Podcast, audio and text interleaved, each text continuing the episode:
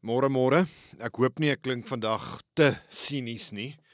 Ek was uh, gister by daardie konferensie uh, of die nasionale konvensie van oppositiepartye wat gehou is daar in die casino by Emperor's Palace waar daar nou die moontlikhede bespreek is om saam te werk na afloop van volgende jaar se verkiesing. Dis nou 'n poging van hulle om die ANC te ontroon en om 'n nuwe meerderheidskoalisie regering daar te stel. Alles goed en wel en dit klink alles so mooi en so sulke goeie ideale. Tot jy nou hoor wat het hulle nou besluit? Daar moes eerstens besluit word op 'n nuwe naam want die Moonshot Pact is 'n DA naam en die ander politieke partye wil nie daarmee assosieer nie. Toe kom hulle nou met die naam Veelparty Handves vir Suid-Afrika en wat 'n oninspirerende vervelige naam. Ek ek ek, ek, ek neem aan dit is maar net 'n spul politisie om 'n tafel wat met so 'n regtige vervelige naam vorendag kan kom. Ek weet nie hoe gaan jy Suid-Afrikaners inspireer en oortuig om vir die partye in hierdie veel party handves vir Suid-Afrika om vir daardie partye te stem nie.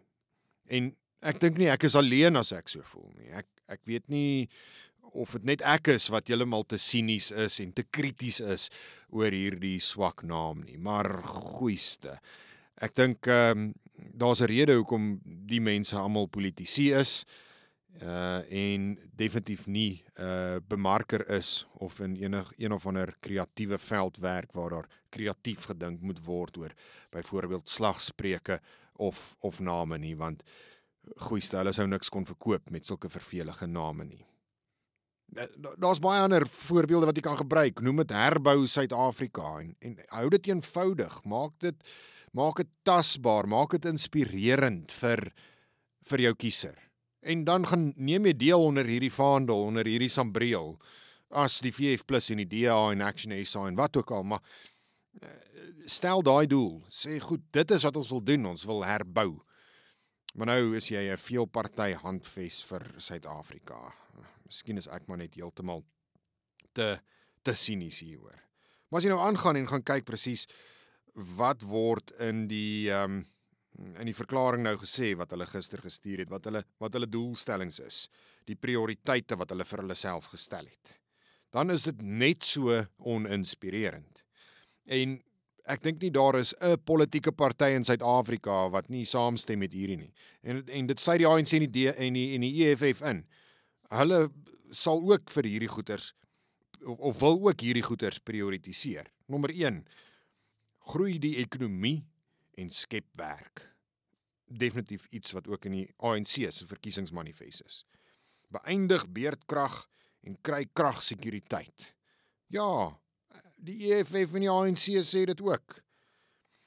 Handhaaf wet en orde wat misdaad, korrupsie en dwelms bekamp. Dis iets wat die ANC en die EFF en elke liewe ander politieke party ook sê. Dit is oninspirerend verseker kwaliteit onderwys wat geleenthede vir almal skep. Ek, ek kan so aangaan. Hier is 8 punte. Ehm um, en en almal van hulle is maar eintlik oninspirerend en en bied nie regtig 'n werklike alternatief nie. Een ding wat ek opgemerk het is almal al die partye daar het gesê nee, ons is nie uh, teen enige politieke party nie, maar uh, ons moet die ANC uit die kussings lig. Ons is nie teen die ANC nie, ons is teen wat hulle gedoen het oor die afgelope 30 jaar in die land. Sê dit dan so. Maak dit, sê daar, plaas dit jou eerste prioriteit om die ANC uit die regering te verwyder. Ek dink daar is baie Suid-Afrikaners wat met jou daaroor sal saamstem. Hoekom is dit nie deel van die van die prioriteite nie? Maar nou ja, dit daar gelaat. Hierdie partye wat my regtig nou nie inspireer het nie. En ek is maar baie pessimisties en skepties dat hulle in 2024 werklik 'n alternatiewe regering gaan wees na afloop van die verkiesing. Ek uh, kan nie sien dat daardie groepering van partye die 50% kerf gaan verbysteek nie. Hulle gaan definitief die deur weier oop moet gooi, die sirkel groter maak vir ander politieke partye ook om ook in te klim in hierdie veelparty handves vir Suid-Afrika. En ongelukkig gaan 'n paar gesprekke gevoer moet word oor ouens soos Good, soos die PA.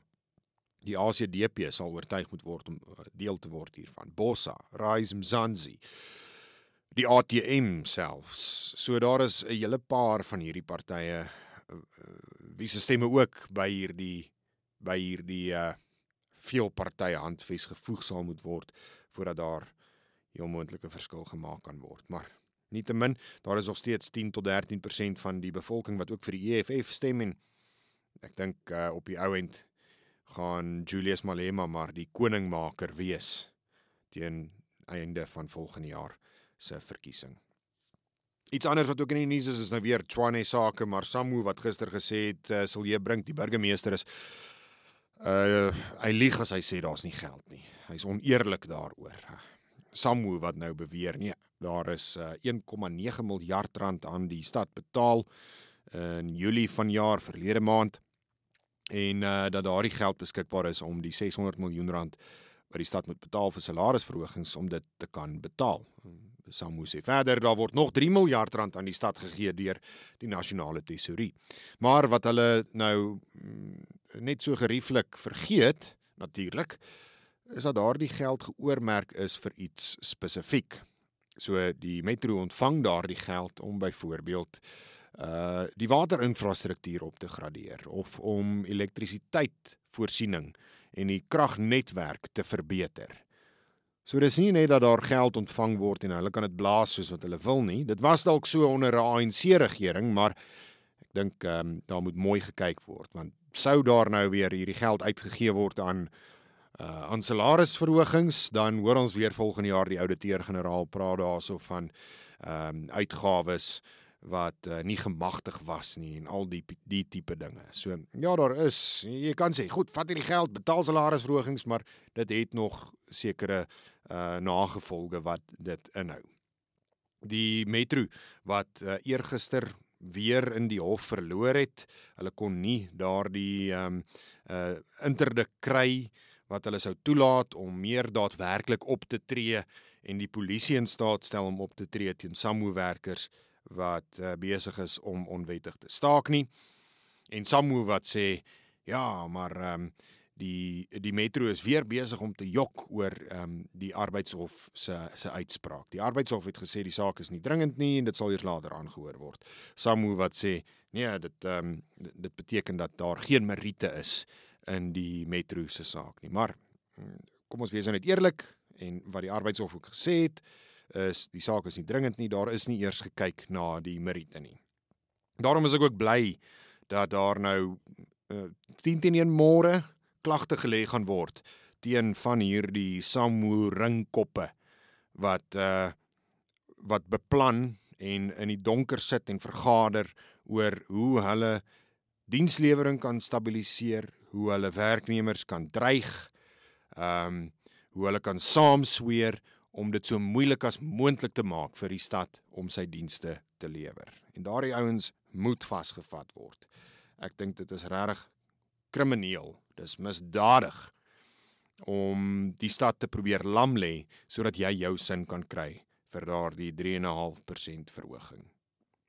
Miskien moet mense net sê, hoorie luister byt vas byt vas, kom ons rug, ruk hierdie reg en um, ons kyk of ons teen volgende jaar of oor 2 jaar of oor 3 jaar wanneer ons finansiële sake in orde is of ons dan kan begin met uh, salarisse betaal. Want glo my, ek as inwoner van Tshwane is bereid om my munisipale dienstig fooie te betaal indien dit gelewer word.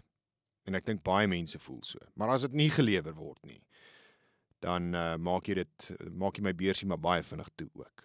En ek sê nie dat ek nie betaal nie, ek betaal wel, maar uh, ek doen dit maar met um, met 'n swaar hart. Op daai noot groet ek jou en soos altyd groete by die huis.